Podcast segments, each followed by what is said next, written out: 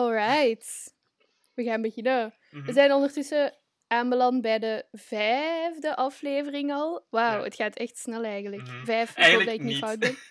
Want eh, ik heb eh, gelogen tegen iedereen. Allee, ja, niet gelogen. Wat heb ik gedaan? Ik heb iedereen zijn vertrouwen misbruikt, want ik heb nu lang niks gepost omdat ik kiesweek had. En jij ook, Onoa. En jij ook, Ekella. We hadden allemaal een Ja. kiesweek. En ook het gewoon Ja. leven was heel druk. En daarbij, ah ja, dat, de lieve luisteraars, dit is ook een leugen deze keer, want Ella is er ook bij aan het luisteren. Tududu. Ja! Hm. Onze eerste guest. Ja, ik Woehoe! ben heel enthousiast. Eh, Pleasure to be here. Thank you for having me. Uh, you're welcome. Welkom. It's such a pleasure to have you. Ehm, maar hoe gaat het nu met jullie quarantainedagen eigenlijk? Ça va. Mhm. Allee, tja. Ik ga... Dat is misschien niet... Allee, ja. Alhoewel, ja. Ik ging zeggen, dat is misschien niet helemaal legaal. maar ik ga dus... Sinds vorig weekend ga ik in het weekend naar huis. Na anderhalve maand dat niet te doen.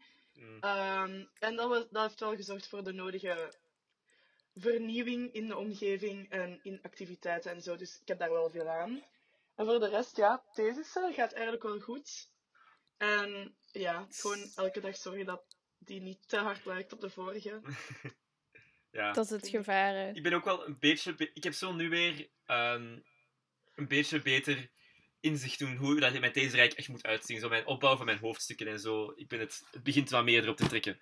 Maar ik denk dat mijn eh, Mooi. promotor niet zijn handen moet kruisen voor... eh, zijn adem moet inhouden dat het op 4 juni ingediend gaat zijn. Gaat hij het nog kunnen nalezen? Ah, wel, ermee, ik weet, ik, ik volg hem op Twitter en ik zie hoe druk hij het daar heeft en ik besef eigenlijk, ehm, die man heeft waarschijnlijk het zo druk dat hij zo niet eens beseft dat ik hem al een maand niet meer iets heb gestuurd. Allee, ja, dus ik denk, ik wil hem ook zo niet onder druk zetten van lees het voor de deadline.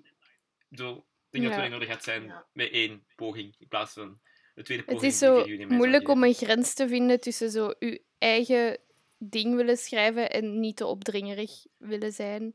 Ja, Ik heb dat alleszins voor, want ik heb vandaag gecheckt. 16 april was de laatste mail, was de datum van de laatste mail die, ik naar mijn promotor heb gestuurd met de vraag wanneer we konden skypen. En hij heeft nog altijd niet geantwoord. Oh, Ah. dat is bijna een maand. Ja, he hates me. Hm. Maar ja. Oh, Ja. maar dat is niet waar, die hebben het gewoon ook wel druk. Ja. Ik, heb wel, ik heb wel naar een andere professor moeten sturen, zo gewoon met een verzoek. En die was zo van, ah, ik wil je heel graag helpen, maar eigenlijk, het is echt fucking druk nu, dus het gaat misschien even duren. Ehm, dus ik denk dat die echt wel druk hebben nu. Respect. Hm. Ja. Maar ja, ja, ik merk aan mijn quarantaine wel echt, zo, er zijn duidelijk goede dagen en minder goede dagen. En eh Ja. dan Ja. moet je gewoon doorgaan. Goed, dus eh, lieve vrienden. Oh, wie ben ik? Shirley Koster. Ehm bedankt om te lachen, alsjeblieft. Oh my god. Ook gewoon, dit kun je als podcastluisteraar niet zien, maar Bastiaan drinkt zo soms casual van zijn glas rode wijn. En ik vind dat dat echt allemaal be- veel beter maakt om te zien. Oh, trouwens, ik heb het niet verteld, maar eh, wij hebben fanmail gekregen in de vorm van memes. Ik ga ze gewoon ook even in het gesprek zetten, dan kunnen we ze eerst even een meme-bespreking doen. Dat is echt geweldig. Ja, ah, wacht. Met heel veel gedank aan... ehm, ah ja, at insert misk. Oh, wacht, hij was echt... Ah ja! Waar gaat je het doorsturen? Eh, ik denk dat hij het nog moet doorsturen. doorsturen. Ah, Want hij nu Eh. gewoon eerst alleen aan het lachen is. Het is gewoon zo grappig. classic. Ah. Oké, we zien een scène van Lazy Town. Ehm, we hebben meerdere van die Robbie Rottens. En degene vooraan heeft een, ja, een kroon, dat is zo De Franse koning. een koning. En dan zo, ho ho ho, voilà, regardez ce filet. maar waar heeft hij vast? Dat is een net... Maar dat is een... oh, dat is eh, die meme van... Haha, look at this net. Een uiterst Ah, Ja, waar we het over hebben gehad. En dit is de Oh. volgende. Ah ja, het is een, een Polaroid van eh, Jelle Kleimans. En daarop wordt geschreven: Don't believe his lies. Over Jan zonder vrees. Jan zonder vrees. Dat is dus niet de echte Jan zonder vrees was. Dus eh shout-out eh, naar Oké. Insert Misk. Ik hou van hem. Ehm, goed. Eh, dus vorige aflevering hebben we gezien hoe dat, eh, Jan zonder vrees dus, eh, Vlaanderen krijgt. Anton van Brabant, eh, Brabant en dan eh, Limburg, dat eigenlijk niet echt Limburg is. Ja, zijn opvolger Philippe de Goede heeft Henegouw gepakt, Holland en Zeeland afgepakt van Jacoba van Beieren. En heeft namen gekocht, wat ik dus niet heb verteld. Karel Stoute heeft Gelderland veroverd, eh, wat blijkbaar echt heel belangrijk was, want dat was een pagina in mijn geschiedenisboek. Echt een hele pagina. En eh, Luik veroverd, maar zijn dochter heeft Luik afgestaan.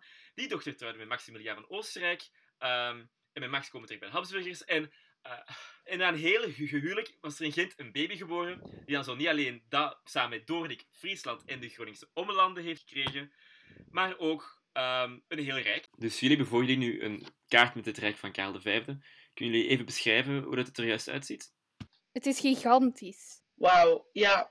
Um, het spant helemaal tot uh, ja, in Midden- en Zuid-Amerika, mm -hmm. vreemd genoeg. Ja, het zijn de um, kolonies. Ja, ha. wij kennen natuurlijk dit uit onze geschiedenislessen, maar als je dat zo ziet, is het eigenlijk echt maf dat dat, dat tot één zogezegd rijk Ja. kan horen. Dat is absurd. Amai. Ja, dus we zien eigenlijk centraal wat nu Centraal-Europa is, ehm, Italië, Spanje en dan eigenlijk eh, Chili, Mexico. Ja, Zoals... beetje maf, hè? Ja, een beetje maf. Heel veel. Ehm, ik zou het... Ja, veel. Eh, maar je moet wel beseffen dus dat alles dat centraal, centraal deel is ehm, zijn keizerrijk. Hè. Dus hij is keizer van het Heilige Roomse Rijk, maar dat betekent niet dat hij daar ook macht over heeft. Over het hele He- Heilige Ja. Roomse Rijk. Mm. Alleen over, alleen Ja. maar Bohemië, Oostenrijk, Hongarije en de Burgondische Nederlanden en delen van Oost-Frankrijk. Oh my god, no biggie. Oh, alleen maar. Ja. Ja. Wauw. Oké, als het dan maar is. Ja. Dat mag geen te dikke nek krijgen. Hoor. Ja, dus dat was eh, Karel V zijn rijk. Op dat moment hebben we ook gezien dat Antwerpen kei belangrijk werd. Ehm, maar dus die wa- waren heel belangrijk, want die hadden zo een systeem van zo jaarmarkten, waar er zo bepaalde periodes van het jaar er vrijhandel mocht worden gevoerd. Met dan die, al die kolonies en zo, dat die dan hadden. Al die koloniale, koloniale goederen kwamen dan binnen in Europa via Antwerpen. En zoals ik had gezegd, op bepaald moment heeft Antwerpen 40% van alle bezittingen in de wereld in zich. Ja, van de waarde ter wereld. Yes. Wat dus belachelijk Mag ik, mag ik misschien, misschien is dat een domme vraag, maar in Ja? welk jaar zijn we nu ongeveer? Tussen 1500 en 1558, dus eigenlijk de eerste helft van de 16e eeuw. Ja. Oké, prima. Eh, Alrighty. Oké, dus. Dus we hebben dat enorme rijk. ehm, 16e eeuw. maar hoe werd alles dat geregeld? Want eigenlijk is dat dus geen echt geheel, maar allemaal gewoon verzameling van allemaal kleine hertogdommetjes en kleine graafschapjes en zo. Dus de keizer kon dat niet altijd zijn, want hij had een enorm rijk. Eh, dus dan stelde hij een landvoogdes aan. In zijn tijd was er vaak een weduwe uit de familie. Ehm, onder keizer Karel was dat vooral Margaretha van Oostenrijk. Eh, en die had haar hof in Mechelen, in het huis van Savoie. En je moet dus weten, de macht lag echt vooral bij zo de steden en lokale adel. Zo de lokale dingen. Zo wat we tegenwoordig bottom-up zouden noemen eigenlijk. Wauw, om even met de fancy termen te smijten. Ja, zo. En dus Karel staat zo van, eh, ja, jongens, what the fuck, ik heb hier een mega gro- groot rijk, ik kan dus niet eigenlijk met mijn 1500 man bezighouden. Ik ga dus even versimpelen. En dat is eigenlijk een beetje een trend die wij overal in Europa zien op dat moment. Dus het eh, centraliseren van de macht. En dus hij maakte, bear with me, drie collaterale raden. Dit is belangrijk voor later, maar dit is wordt even technisch. Dus je had de raad van financiën, dan had je de geheime raad. Eh, en de geheime raad, dat is eigenlijk de adviesraad aan de landvoogd. Dus eigenlijk zo de mensen die zo, ehm, zo in een kleine kamer zo met die landvoogd zo samen beslisten wat er ging gebeuren eigenlijk. Ehm, de vraag is, wat is er eigenlijk geheim aan? Ik vroeg mij dus af. Ik heb dat gegoogeld. Ik vond alleen maar een antwoord op goeievraag.nl. En die zei van, ja, waarschijnlijk omdat het niet publiek is, maar dus geheim. Ik weet niet of dat echt is. Ehm, dus neem het niet van mij aan. Fair enough. Ja. En dan had je, dit is belangrijk, de Raad van State. En die vertegenwoordigt eigenlijk de hoge adel en de hoge kleren. Dus eigenlijk de, de belangrijke eh edellieden. Ja, de maar pas op, want eh, nu wordt het verwarrend. Ehm, dit is eigenlijk een beetje een sequel op de Janne van Jacoba, want er zijn een paar andere ehm, instituten die ongeveer dezelfde naam hebben. De invloed van het lokaal beleid lag binnen het bestuur van elk gewest van de Nederlanden. En die hadden dus een statenvergadering. Met de drie standen. Weet jullie nog wat de drie standen zijn? Wacht, wat? Bedoelt je klerus en adel en plebs? Bedoelt je? Plebs, ja, ja burgerij. Ja, zo. De burgers, de adel en de klerus. Ah ja, ja. plebs is eigenlijk geen stand. Dat is... Dat is geen standaard. Nederlands. Ja. Ehm, Ja. Dus die, die drie eh, mensen, standen, werden vertegenwoordigd in elk gewest in de Statenvergadering. En die kwamen samen in de Staten-Generaal. En die Staten-Generaal ehm, vertegenwoordigt dus de staten, al die staten bij de koning. Bij keizer Karel. Bij de keizer. Dus je hebt de Raad van State, de Statenvergadering en de Staten-Generaal. Dat lijkt allemaal zo hard op elkaar. Ja, je zou dus denken dat we daar hebben geleerd uit zo'n verwarde namen. hè, Maar dus in, tegenwoordig in Brussel heb je dus ook de Raad van de EU, de Raad van Europa en de Europese Raad. Dus echt, Oh. Oh, ja. maar goed, I roll. het belangrijke is dus, waar ligt eigenlijk die... Dat is eigenlijk ook een beetje cool. eh, ongeveer. Waar ligt dus de macht van die Staten-Generaal? Op welke vlak kon je eigenlijk zo wegen op beleid? Want, allee, ja, is dat een keizer? Ehm, dat is zo'n gigantisch rijk dus, hè. En dat gigantisch rijk had dus ook gigantische oorlogen nodig in die kolonies tegen de Indianen, tegen de Ottomanen. Die oorlogen en die kolonies, die kosten allemaal geld. Dus als de keizer dus geld nodig had, die steden die waren mega rijk. Dus dan riep hij de Staten-Generaal samen en die vroeg hem om een bede. Een bede is dus een voorstel dat ze hem geld gaven in ruil voor iets anders dan. Ehm, dus die bede betekenen gewoon belastingen. Dus dan zou, eh, zou de keizer vragen: hey, eh, stad Antwerpen, geeft jij mij anders 5 miljoen ducaten? En dan zei die stad Antwerpen: ehm, als jij mij nu eens een verlaging op een afschaffing van artikel 6.9 bis A geeft, ja. ja, dus vrijheden kregen ze daarvoor in de ruil. Ja. Dus dat is een beetje een quid pro quo. Dus op die manier konden ze wegen op het beleid. Dus waren die van, eh, wij gaan er niet mee akkoord. Wij betalen hier niet. En dan is de keizer van, ja, ik heb eigenlijk niks. Ja, geen poot om op te staan. Goed, dus dat is ehm, staatkundig. Ik hoop dat je- dat, dat gaat. Als het niet gaat, dan mag iedereen even herbeluisteren. Ehm, of mij bellen. Eh, we gaan 0471. Ik ga het zeggen. Eh, Oké. Don't do that. Throwback naar de keer dat ik mijn bankrekening heb gezegd. Ehm, Elke aflevering nieuwe persoonlijke informatie van Bastia. Stalk mij. Eh, we gaan nu even een eh, kijkje nemen in de wereld van de religie, want dat begint ook belangrijk te worden.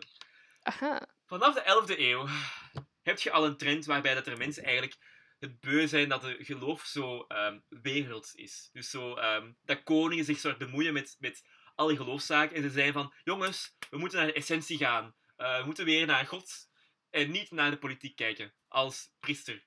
Maar er waren dus al langere debatten over ja, de organisatie van de kerk, al sinds dus al 500 jaar eigenlijk. Maar vanaf de renaissance ging dat dus een stroombestelling. Wat er gebeurt in de renaissance, mensen kunnen meer lezen. Dus, dus dat debat ging wat sneller en, en het verspreidt zich ook sneller.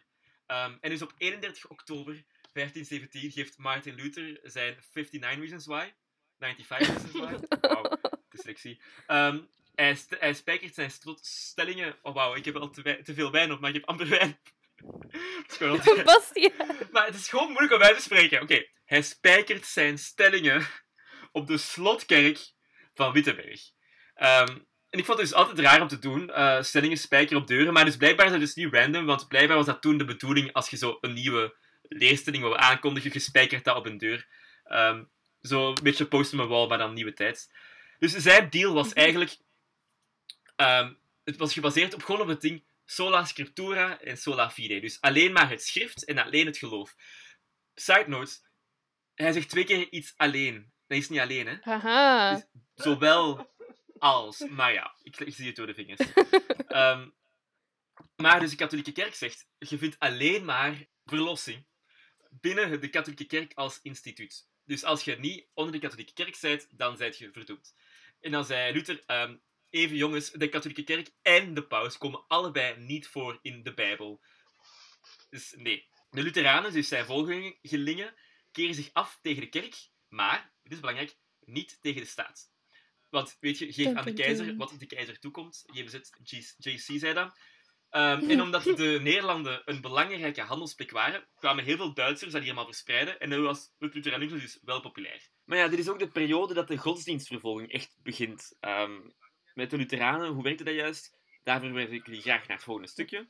Ella, je bent keizer Ben Karel. ik keizer Karel? Ja, Oké. en Noah is Margaretha. Oké. Margaretha, Ja. Je weet toch wel dat ik de keizer ben bij gratie gods? Mhm. Als in, ik ben door de Heer uitgekozen om in zijn plaats over de mensen te heersen. Natuurlijk, neef. Het legitimiteitsprincipe. Ik weet dat Bastiaan dat niet uitgelegd heeft, omdat hij niet besefte dat dat relevant ging zijn tot nu toe. Maar hij heeft dat mooi opgelost door de uitleg heel erg stiekem in een script te steken. Oh, wat fijn, Karel. Die Lutheranen, Ja? Die zetten dat legitimiteitsprincipe op losse schroeven. Ook, de paus is nogal aan het zagen. Oh, wat erg. Vervolg hem, misschien? Ik zal eh, met de lokale adel en rechtbanken bellen. eh, en zeggen dat hij het zeker moet doen. Pieploe, pieploe, pieploe, pieploe. Margot, dat is je hand. Tring, tring. Zelfs als dat een telefoon zou zijn, je eigen telefoon zou niet rinkelen als jij iemand Ah, anders belt. hallo. Lokale adel- en rechtbanken. Weet je, onze bevolking. Ja, onze onderdanen die wij naar het feodaal model dat wij aanhouden moeten beschermen. En als wij die plicht niet nakomen, hebben wij eigenlijk geen recht om te heersen. Ja, dat ene deel dat de maatschappelijke orde niet in vraag stelt en ons eigenlijk geen enkele manier last bezorgt. Ja, vermoord hen alsjeblieft. Eén voor één. Oh ja, ik, ik ben niet bang om onpopulair te worden. Boze meute bestormt het hof van Savoie. Ik word gelyncht en eigenlijk is mijn neef daar verantwoordelijk voor. Oh ja, dat lijkt mij als een normale donderdagnamiddag voor mij, ja. Nog iets, neef? Jezus, ik snap het wel hoor, Margot. Dus, dankjewel. Dat is heel mooi. In het begin is dus de repressie eigenlijk heel erg chill. Ehm, dus dat wordt eigenlijk door de lokale rechtbank uitgevoerd. Er wordt, daar, daar wordt daar aan tevreden gerechten in de tijd toevertrouwd. En die zijn dus heel erg mild. En toen in 1531 daar de doodstraf op kwam, waren er zelfs nog minder vervolgingen. Wat dus betekent dat er echt weinig animo was om echt mensen te vervolgen daarvoor. Maar op hetzelfde moment ontstaat het anabaptisme. Is dat iets dat je- jullie zegt uit de les de geschiedenis misschien? Oh, dat woord heb ik al ooit gehoord. Zijn ja. dat zo... maar... Nee, iets zegt mij... Zijn dat we wederdopers? Ja? Of- wederdopers. Dus Anna betekent opnieuw en baptisme betekent dopen, geloof ik. Ja, dat betekent dopen. Ehm, Ik denk het wel, ja. dus die geloven eigenlijk dat je pas gedoopt worden als men volwassen is. Ehm, en men is daar in Zurich, in Zwitserland, Ja. in mee begonnen. Ehm, maar toen is dat stadsbestuur van zo, weet je, ik snap waar die vandaan komen. Maar eigenlijk zijn kinderdopen wel handig, want zo zijn die mensen meteen in zo'n stadsregister ingeschreven. ehm, als die worden gedoopt. En toen zijn baptisten van, weet je hè, als het zo zit, dan wijzen wij ook de wereldlijke macht af hè. Ehm, en dus zij wijzen... het, is niet zo het is niet zo Dat gebeurd. is zo drastisch. komt het op neer. Ehm, dus zij zijn eigenlijk mensen die zowel de kerk als de staat afwijzen. En dus zij waren eigenlijk het primaire doelwit van de repressie in der tijd. Ehm, en ze waren dus zelfs zo radicaal ehm, dat zelfs de protestanten zo waren van... eh, raar. Dag. Eh, plezier. de Weird vibes, maar oké. Ja. Ehm, dus als er iemand werd onderdrukt, waren eigenlijk zij het. Ehm, en eh, dus als er, dat bewijst een beetje voor een deel dat de Inquisitie niet alleen religie- religieus geïnspireerd was, maar eigenlijk dus ook politiek. Ehm, Oké. maar dan, als je dan denkt van, oké, die Anabaptisten worden alleen vermoord, komt het Calvinisme. Zegt dat je nog iets? Ja. Maar vraag me niet de details. ik kan het niet uitleggen, Bastiaan. Oké, dus die zijn radicaal. Wat is het ding? Johannes Calvijn gelooft in predestinatie. Dat betekent dat God op voorhand, Oh, je al gevormd bent in utero, al beslist of je al dan niet gered gaat kunnen zijn. Want hij weet alles.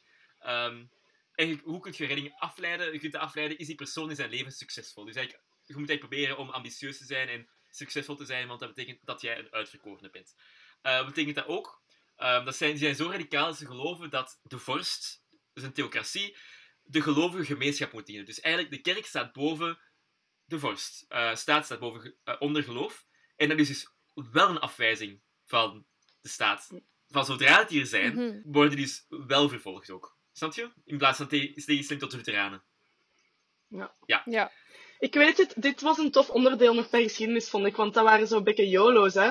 Ja, Zo, als die zo een, ge- het gevoel hadden van mijn leven is toch naar de vaantjes en ik kan nooit gered worden, dan waren die echt zo van, oké, might as well be a drunk Ja. and fuck everything.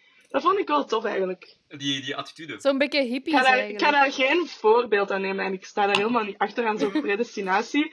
Maar ik vond dat toen wel grappig dat die eigenlijk echt zo totaal niet meer hun geloof volgden. Want, snap je? Dat was gewoon, Ja, made no sense, maar ik vond dat dus wel grappig. I Oh, digress. dat is niet erg. Ehm, de helft van deze aflevering zijn digressions. dus het is niet erg. Ehm, Maar ook zo'n conclusie, Calvinisme, ik vond dat wel grappig. Ella vindt dat wel grappig, Calvinisme. Vertel eens hem op, ja, Calvinisme gewoon. Oh my god, al ooit gehoord van Calvinisme. you crack me up. Ah, oké. Oh, Oké. Maar goed, dus... een vorst verder. Ehm, want Karel, eh, hij leeft niet eeuwig. Hij heeft afstand gedaan van zijn troon, geloof ik. En we zijn nu bij zijn zoon, Philips II. Dat zegt jullie waarschijnlijk wel iets. Mhm. Ja, misschien. Misschien ook niet. Ehm, die komt, dat is echt een Spanjaard. Hè? Want dus Karel was eigenlijk in Gent geboren, die sprak Nederlands. Hij was eigenlijk een vreemdeling in Spanje, maar dus Span Philips was in Spanje geboren, dat is echt een Spans-Spanjaard. En wat is het ding met Spanjaarden?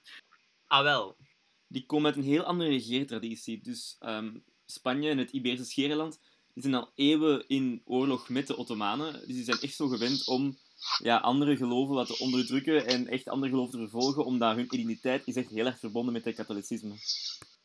Er zijn ook veel centralen daar in Spanje. Ehm, terwijl hier zijn we veel vooruitstrevender, dus wij zijn van zo, ah, nieuw geloof, chill, eh, niet erg. Eh, en, ah ja, bottom-up, ja, bottom-up, lokale adel, kom maar aan bod. Eh, wat anders. Ehm, nou, dus hij, is echt, hij zit echt heel hard in op zo'n centralisatie ehm, en op eh, zo vervolging. eigenlijk. Dus vanaf hem is er echt zo meer zo wat dat, dat gedoe van religies mogen niet, behalve katholicisme. En daardoor is er echt zo wat ja, onvrede bij ons op dat moment. De invloed van de Raad van State daalt ook enorm. En ja, de Staten-Generaal wordt ook amper nog bijgeroepen. Dus eigenlijk is iedereen zo'n beetje pist. Hij fixt ook een nieuwe bisdomindeling. Want de oude bisdomindeling was al van 800 jaar geleden. Ehm, maar de lokale klerus wordt daar een beetje de dupe van. Want van hen wordt verwacht dat zij dat financieren. En ze zijn ook deel van een enorm rijk. Met zo heel veel oorlogen en heel veel eh, economische belangen. Dus hij zegt ook van, weet je, Engelse wol, get out eh, steun Spaanse wol vanaf nu, met heel mijn rijk. Probleem voor, voor ja, de boergerij hier, want we waren enorm hard afhankelijk van die Engelse wol. Ehm, dus eigenlijk is hij erin geslaagd om iedereen boos te maken. Zoals de hoge, de lage adel, de hoge klerus, de lage klerus, als de burgerij. Ehm, en dan is de ehm landvoogdij hiervan zo van, oei, eh, dit gaat hier niet goed gaan, Philips. En dan is, ehm, ik ga hier een ander beleid voeren dan Philips, maar dan is de Granvelle is de adviseur en hij is zo de, de spion hier. Dat is een, een, een persoon. En die is zo van, pas op, hè, als jij Philips beleid niet uitvoert, dan ga ik boos worden. Eh, en dan is Philips zo van, oké, ik ga de Granvelle ontslagen, dan ga ik misschien iedereen hier een beetje rustiger stemmen en zo. Eh, en dan verzamelen de eh, adel zich in het eedverbond der edelen. En die zien daarin eigenlijk een opening. Dit is ons moment om eh proberen deze fucking shitty situatie op te lossen. Ehm, dus we gaan de dingen die wij stom vinden op schrift stellen en aanbieden aan ehm de landvoogdes. En dat is het smeekschrift van het eedverbond der edelen. Ehm, Ja, ja. ja, en het is daar dat zo iemand zo zei van... Uh, oh, Margaretha, let niet op die mensen, dat zijn maar bedelaars, ils ne sont que gueux. Eh, en daar komt de naam Geuze vandaan. Ehm, vanaf dan waren die van zo, wij zijn de Geuzen. Mooi. En dan zegt Margarethe van, oké, mhm, mhm, sounds reasonable. Al die, eh, die dingen. Ik zal de maatregelen, de vervolgingen, eh, ik zal allemaal wat milderen. En dan is het volk zo van, de vervolgingen milderen. Ik ben enthousiast. Geweldig. Mijn dag kan niet stuk. Ik ga Beeldenstorm doen. Lol. Ehm, Dat is kei logisch. ja, dus we waren zo van...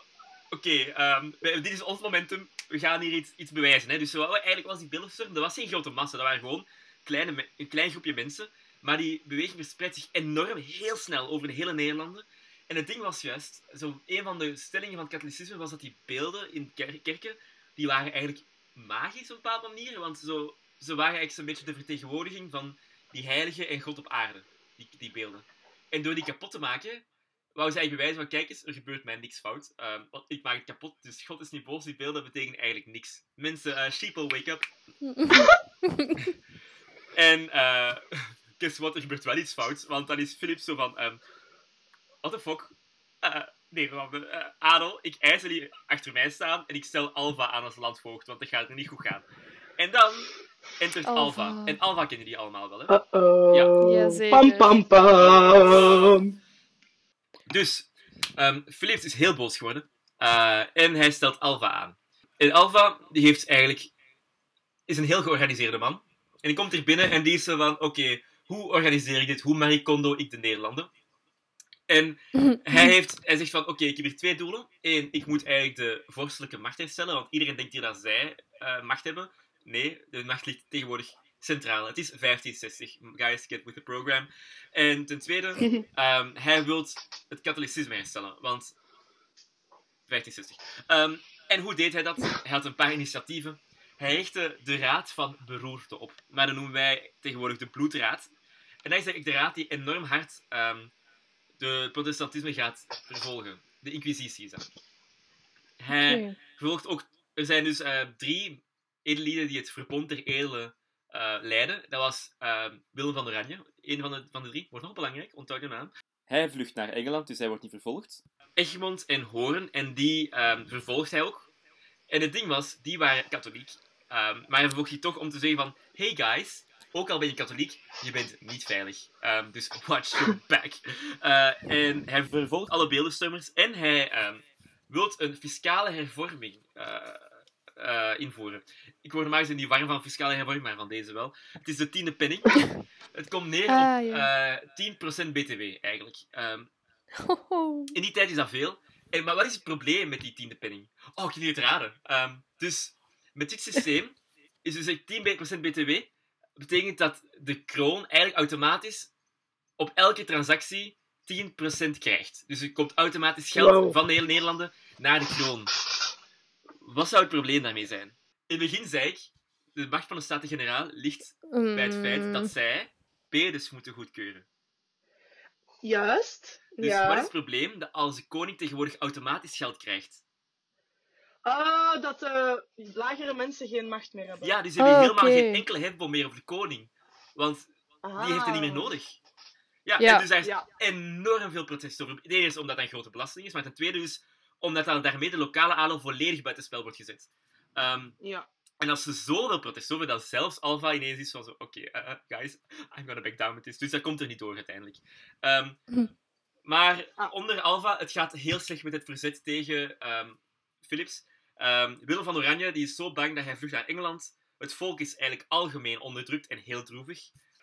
Dus we zijn allemaal ehm, droevig. En het is zo slecht met hen. Er zijn eigenlijk nog maar twee groepen die eigenlijk echt nog verzet kunnen plegen. En dat noemen we de bosgeuzen. Dat is een soort van guerrilla-strijders die zo, zo zich verzamelen in bossen en dan zo af en toe zo een steek uitdelen aan, eh, aan de, de, de Spaanse troepen, maar niet echt een grote impact kunnen hebben. En de watergeuzen. Ik weet niet of dat jullie, dat jullie iets zegt. Ehm, Ja, daar herinner ik me nog. Ah, leuk. Ehm, dus dat zijn eigenlijk ehm, groepen, ja, piraten eigenlijk, eh, die zich in Engelse havens kunnen organiseren en van koningin Elisabeth eh, kapersbrieven krijgen. Dus toestemming om Spaanse schepen te kapen. Ehm, dus zij verzetten eigenlijk zich Ja. tegen het Spaanse beleid op zee. Maar nu, zijn we aan, eh, nu begint het echt. Hè? Dus hier eh, begint het verhaal van de 80-jarige oorlog. In 1572 ehm, is koningin Elisabeth zo van... Misschien dat ik dat beter niet meer doe, dat gedoe met die kapersbrieven. Dus ontzegt zij eigenlijk aan die watergeuzen de toegang tot alle Engelse havens. Ehm, en dan is de watergeuzen zeiden van... Ja, ik moet hier mijn schip ergens kunnen parkeren. eh, dus waar. Dus ze ehm, forceren eigenlijk de toegang tot het Nederlandse stadje Den Briel. En daar Ja. is een lied over, een geuzenlied denk ik over. Zo, ehm, in naam van Oranje, doe open de poort, of zoiets. Van Oranje, open Ik denk de het wel. Ja, Dat van de Oh, bril en zo, dat zit ja ehm, van, eh, hij marcheerde van Erne tot den Briel. En hij was geen geld en hij had geen geld en hij hield niet van. Het krijgt je wel, maar dat was hij wel met hart en ziel. Ja, dat is die, die Ja. den Briel. Ja. En dan zijn alle andere steden zo meteen zo van... Den Briel is ontzet door de, de watergeuzen. Ja, je hebt gelijk. Alva sukt. Echt, inderdaad. En dan... dan doet het, ehm, Van Ossien is dan zo van... Ja, we, zet, we zetten ons tegen Alva. En Mechelen ook. En Leuven ook. En op hetzelfde moment, heel toevallig, is er in Spanje opnieuw een oorlog met de Ottomanen. Ehm, dus de koning is afgeleid. En dan is er zo een heel momentum om dan zo de, de revolutionaire beweging weer zo op gang te krijgen. Dus, en Willem van Oranje maakt daar heel goed gebruik van. Maar je moet evenwel de note maken. Ehm, dus Willem van Oranje, die zegt, is officieel trouw aan de koning. Hij verzet zich gewoon tegen het beleid van Alva. Dus ehm, op die manier zet hij zichzelf aan als stadhouder. Een stadhouder is een vertegenwoordiger van de koning op lokaal niveau. En hij wordt dus stadhouder van Holland, in naam van de koning, in zijn naam. En daarmee dat ook in het Wilhelmus, dus het Nederlandse volkslied, ehm, staat er dus ook de koning van Spanje heb ik altijd trouw geëerd. Omdat hij dus trouw is aan de koning van Spanje, maar gewoon tegen Alva. Philips Mm. ziet het momentum zo van, ja, dat gaat niet goed gaan. Dus hij vervangt Alva door een eh, andere ehm edelman. ehm, ja, het is weer zo'n gedoe dat ik niet kan uitspreken. Zoals met die Avesnes toen. Het heet het Requesnes. Requesnes? Dat is Spaans, ik zou moeten... Gewoon freestylen. Requesnes. Dat is Requesnes. Tweede Vlaams. Ehm, en dus Requesnes, eh, die probeert de eh, vrede weer te onderhandelen. Dat mislukt, want hij wil katholicisme. Dat willen wij hier niet. En in 1575 gaat de, stand, de staat weer bankroet. Dan een jaar later over, overlijdt Requesnes. En dus is hier een beetje chaos bij al die Spanjaarden. Die krijgen al lang geen soldij, dus ze beginnen dit te doen. Die beginnen hier te muiten. Ehm, en dat is wat wij noemen de Spaanse furie. Ehm, Mhm. en dan zijn die mensen hier van... My property in my good Christian home. eh, What the fuck en is dan happening? radicaliseert beweging. Dus dan is het echt heel extreem. En dit is het moment waarbij dat... ehm, de... Trouwens, even, we zijn hier nog maar aan jaar 10 van de 80-jarige oorlog. Hè? Eh, Oké. ja, Damn. eh, het is heel vermoeiend. maar dus dit is het moment waar de oorlog radicaliseert. En hier is ook het moment waarin al die propagandaverhalen die wij eigenlijk kennen uit die 80-jarige oorlog ontstaan. Zo wat die gruwel dingen zo van, ah ja, vinger en nagels uit. Ja, waarschijnlijk gebeurde dat wel, maar zo... Mensen werden door midden gezaagd. Ehm, en bijvoorbeeld, ik ga even een paar voorbeelden geven van ehm gruweldaden. Dus, ik kom langs beide kanten. Hè. Eh, dus de katholieken vertelden van, ehm, heel populair het verhaal van de martelaren van Gorkum. Ehm, dat is een plek in Holland, nee, Nederland, excuseer. En dat wordt geschreven als Gornichem, maar we zeggen Gorkum. Ehm, en dat waren dus negen ka- 19 katholieke priesters en lekenbroeders die door hun watergeuzen werden gefolterd, opgehangen in hun eigen turfschuur van een klooster en dan verminkt. En dan zijn ze ook nog eens met een andere mensen van gedood op een brandstapel in Den Bril. Dat was zo'n erg verhaal. De katholieken hebben die in 1675 zelf verklaard. In 1867 zijn ze dan heilig verklaard geweest en opgenomen in het Romeinse martirolo- Martyrologium. Het boek van de martelaars. Ehm, Ja. ik zou zeggen wereldkleinste viool, maar eigenlijk... Nee, dat is eigenlijk wel redelijk erg. Ehm, maar waarschijnlijk is het wel redelijk hard aangespekt. En een ander verhaal dat werd aangespekt, waar ik een beetje dieper op in ga gaan, dat is deze Jacoba van Beieren van deze aflevering, is het verhaal van het beleg van Leiden. Zegt dat jullie iets? Nee. Daar was een, een zusje en wisje van onlangs. Eh, onlangs, een paar jaar geleden. Ehm, basically, eh, Leiden, je kent de stad wel, hopelijk. Ja. Ik moet, er, ik moet er wel nog ooit eens geraken in Leiden. Dus ik ken ja, ik ben er ook nog echt. nooit geweest. Ik ben er wel... Ik ben er al twee keer geweest, maar alleen maar voor een dag per keer. Mm. Ja. Maar dus Leiden is zo... eh, de Universiteit van Leiden is een beetje zo de protestantse tegenhanger van Leuven. Ehm, Ja. Want de KU Leuven bestond... De U Leuven was dat toen nog. Ehm, en dan is... ehm, hebben de protestanten waren van, wij willen eigenlijk nog steeds een KU Leuven hebben. Maar wij zijn protestanten, dus we gaan in Leiden een nieuwe KU Leuven oprichten. De Universiteit van Leiden. En dan alleszins zonder de K. zonder de K. Maar eigenlijk is de K toegevoegd in 1835. Wow. Ja. Maar dat is voor een andere keer. Inderdaad, lieve kinderen. Ja, we Ehm. zullen het onthouden. Eh, goed, dus... eh waar was ik? Ah ja, dus... ehm, Alva, die wou de stad weer onder Spaanse controle krijgen in 1573. Ehm, en die begon de stad te bezetten, bezetten. Maar hij sloot dus de stad... Nee, niet, geen maar. Hij sloot dus gewoon de stad binnen af. Wauw, even, ik ben heel mijn draad kwijt. Gaat het nog met jullie? Ja. Ja. Goed. Gaat het met jullie luisteraars? Ja, oké. Ehm, met mij minder. Hij zette dus de stad, bezette de stad. Ehm, dat betekent niks kon binnen en buiten. Ze werden opgehongerd, een beetje zoals wij nu. Ehm, maar zonder eten. Ehm, maar de stad Vrij vergelijkbaar, inderdaad. Mhm. Die waren al op de hoogte van het feit dat eh, de stad bezet ging worden. Dus die hadden eigenlijk al zo extreem gecoupond. eh, en zo'n immense voorraad eten gefixt. Ehm, ik zeg dat, want ik ben de laatste tijd naar heel veel extreme couponing aan het kijken op YouTube. Ehm, dat is heel intrigerend. Ehm, Naar wat? extreme couponing, weet je wat dat is? Ja. Het zijn zo Amerikanen die zo ehm, met enorm veel zo coupons gaan kopen. Dat ze eigenlijk zo, weet ik veel, echt letterlijk 600 pakken instant noodles kopen voor 0 euro. Omdat ze dan zo bonnen en, promoties kijken hoe beter co- te combineren en zo. En dan zo... Ja, dat is echt tof. Al sinds Die dus maken daar echt een heel ding van om zo. Ja, en dat is een programma op TLC. Extreme Coupon. Ja. ja.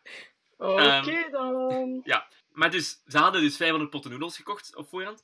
Ehm, maar ehm, plots, in maart, wauw, maart 14, maart 1574. Ehm, was er plots een, belangrijke, een bepaalde slag belangrijker ehm, en werd het bezit onderbroken.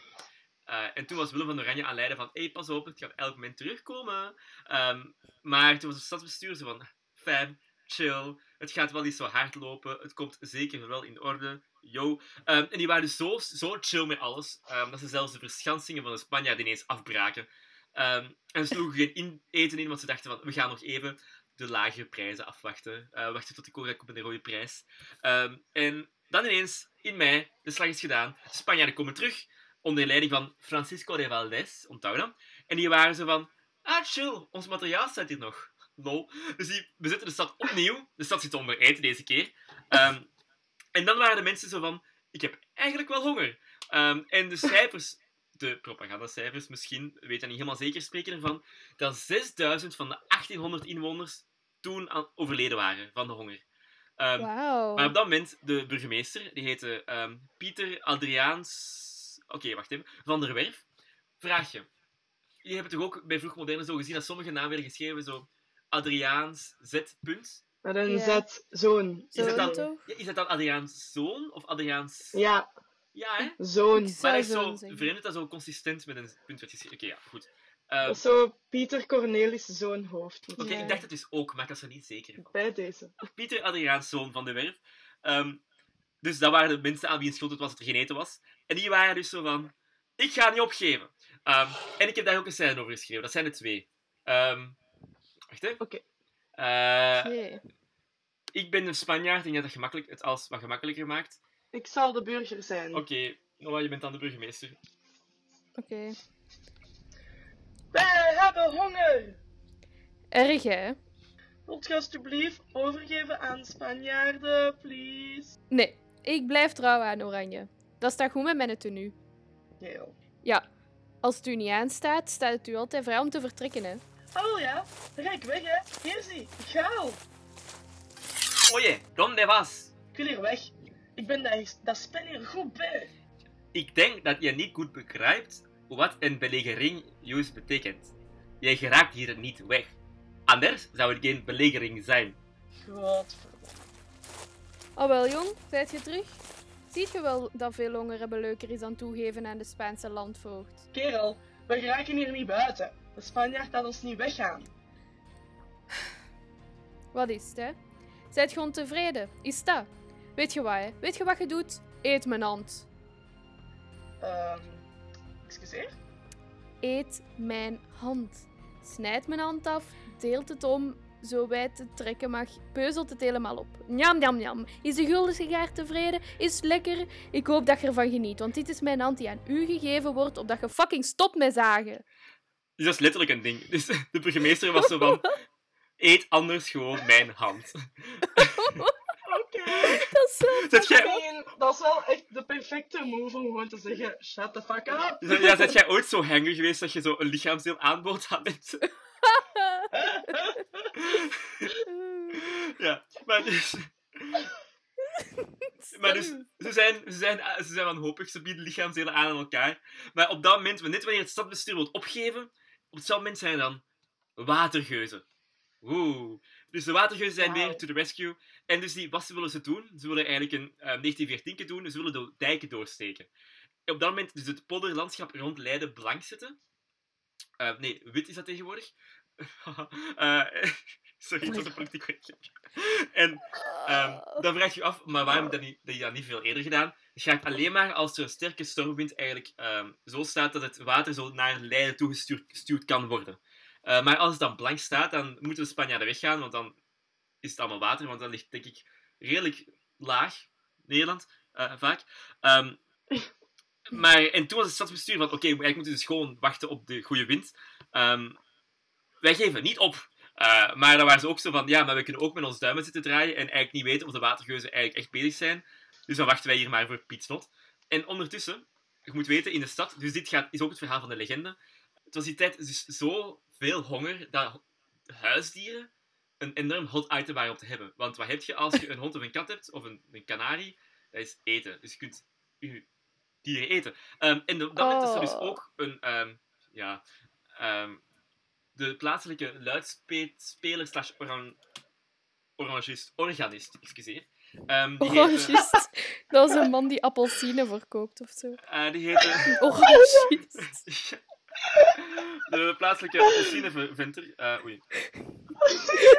Oh nee, maar legit, or orangisten zijn echt legit een ding. Dat zijn voorstanders van het Huis van Oranje. Maar hier betreft het dus iemand die orgel speelde. Die heette ehm, Willem Cornelisson Speelman. Ehm, oh, we hebben een speelman als professor. Is dat familie? Ja, misschien. Ehm, Sowieso. en die had duiven. Ehm, en die was van, hm, hm, lekker gevogelte. Ik ga dat hier lekker verorberen. Smaakvol.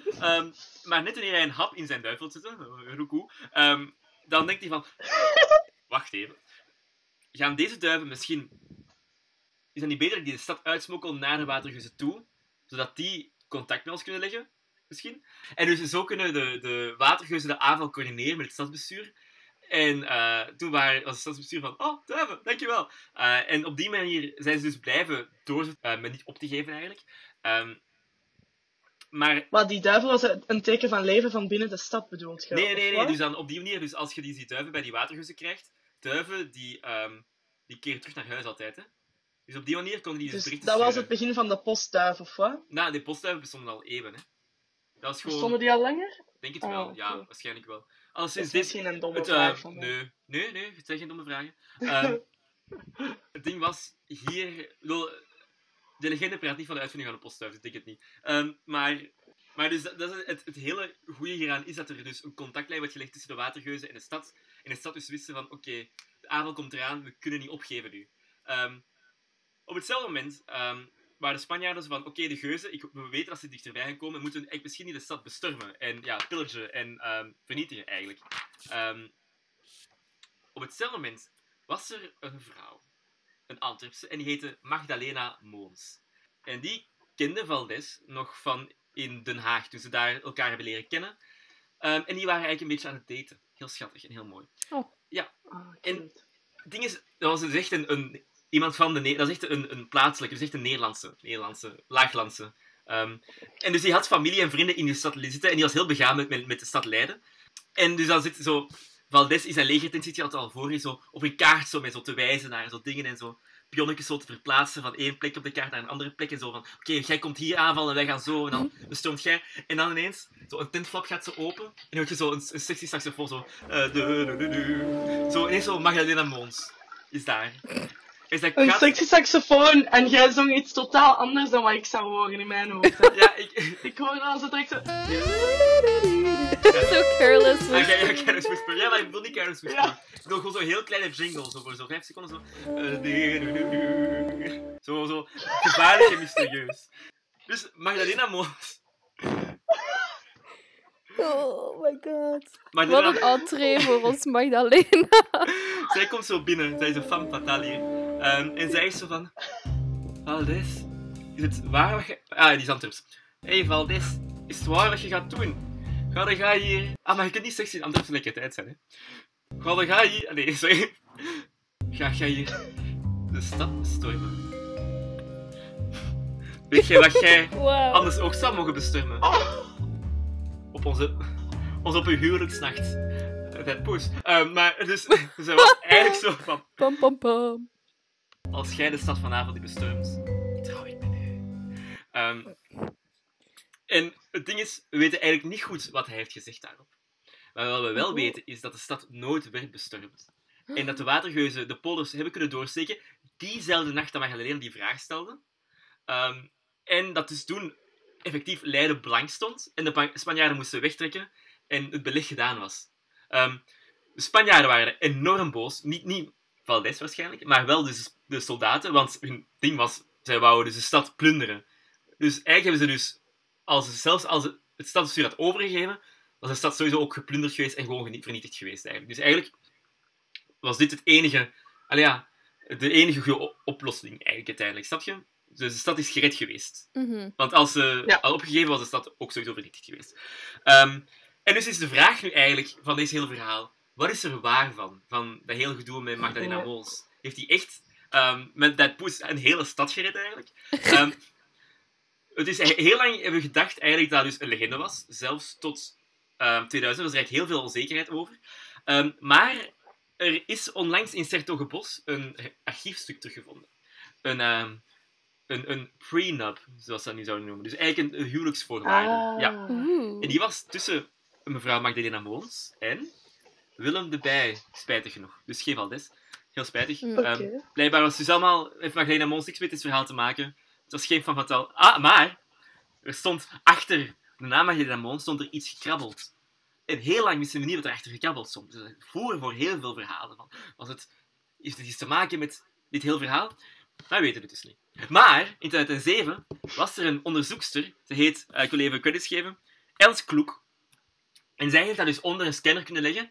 En onder die krabbel stond het weduwe van Weile Don Francisco de Valdez. Dus effectief, Ah, ze is getrouwd geweest met hem. Dus waarschijnlijk Oh, is het wauw. verhaal dus wel waar. Maar dus echt kijk hoe dus. Ehm, en... eh, dus het was wel een fan fatale. Ja! Oh my god. Ja! Wat toch? Sorry Dank u, ik Els. Ja, ehm dank je Magdalena Mons. Ehm, en dus, dus dit deel van de ehm, aflevering 5 en van de 80-jarige oorlog eigenlijk, ga ik even afsluiten met een mooi gedicht dat Bilderdijk heeft geschreven. Ehm, in 1800 weet ik zoveel, over Magdalena Mons.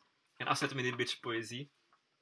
Ehm, dus, ehm, dus Bilderdijk. Op jonkvrouwen Magdalena Moons, Leidens behoederessen. Geen bloedig slagzwaard, nee, geen staal is het maagdelijk wapen.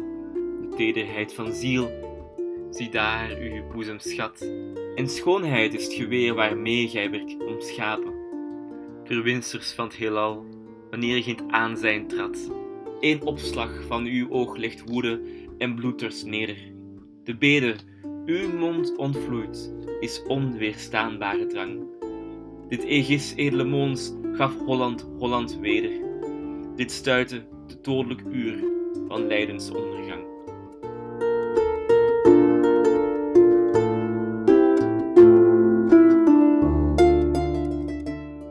Daarmee zijn we alweer aan het einde van deze extra lange vijfde aflevering van Bastiaan vertelt en Noah luistert, een amper zand podcast.